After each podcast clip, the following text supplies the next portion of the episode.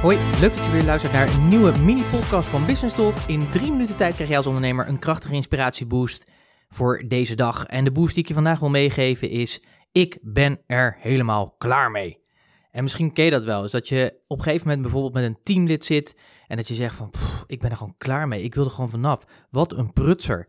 En dat kunnen gewoon die emoties zijn. En dat kan gewoon komen omdat iemand gewoon niet doet wat hij hoort te doen. Dat hij geen zelfreflectie heeft, dat hij geen verantwoordelijkheid neemt, dat hij onvoldoende ja, verantwoordelijkheid neemt voor de fouten die hij maakt. En dat hij niet begrijpt dat die fouten je natuurlijk gewoon veel geld, energie, tijd en reputatie gaan kosten.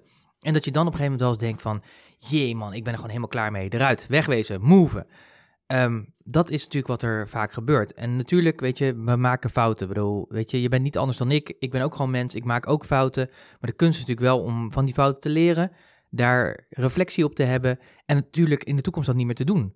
Heel erg simpel. Sterker nog, me daarin te verbeteren om te zorgen dat ik dat niet meer doe. En dat is natuurlijk wat je ook met je medewerkers zo hebt en met je teamleden, dat je dat ook van hen mag verwachten. Ja, ik heb natuurlijk veel ondernemers die ik begeleid, die ook regelmatig er tegenaan lopen tegen het leiderschap met een teamlid wat niet functioneert of iemand die ze inhuren die niet functioneert zoals zij bedacht hadden. En dat betekent zeg maar dat ze daar ja, dat ze daar actie op moeten ondernemen. Alleen heel vaak is het natuurlijk al in de emotie heel erg hoog opgelopen, uh, te weinig misschien op aangestuurd. En dan ergens dan knalt het en dan zeg je van ik ben er nu zo klaar mee. Het klopt gewoon zo niet meer dat je gewoon daarmee ja, eigenlijk gewoon uh, met een enorme knal uit elkaar gaat. En dat is best wel zonde. Uh, en dat kun je natuurlijk ook op een andere manier doen. En natuurlijk heb je natuurlijk de gesprekken erover. Natuurlijk dat je, moet iemand zich verbeteren. En als hij dat niet doet, dan moet er natuurlijk echt gewoon, gewoon actie op ondernomen worden. En gezorgd worden dat iemand niet meer bij jou werkt en functioneert, omdat het gewoon niet werkt. Maar denk er eens over na van hoe zou je dat kunnen aanpakken? Hoe zou je het op een andere manier kunnen aanpakken dan dat je normaal doet?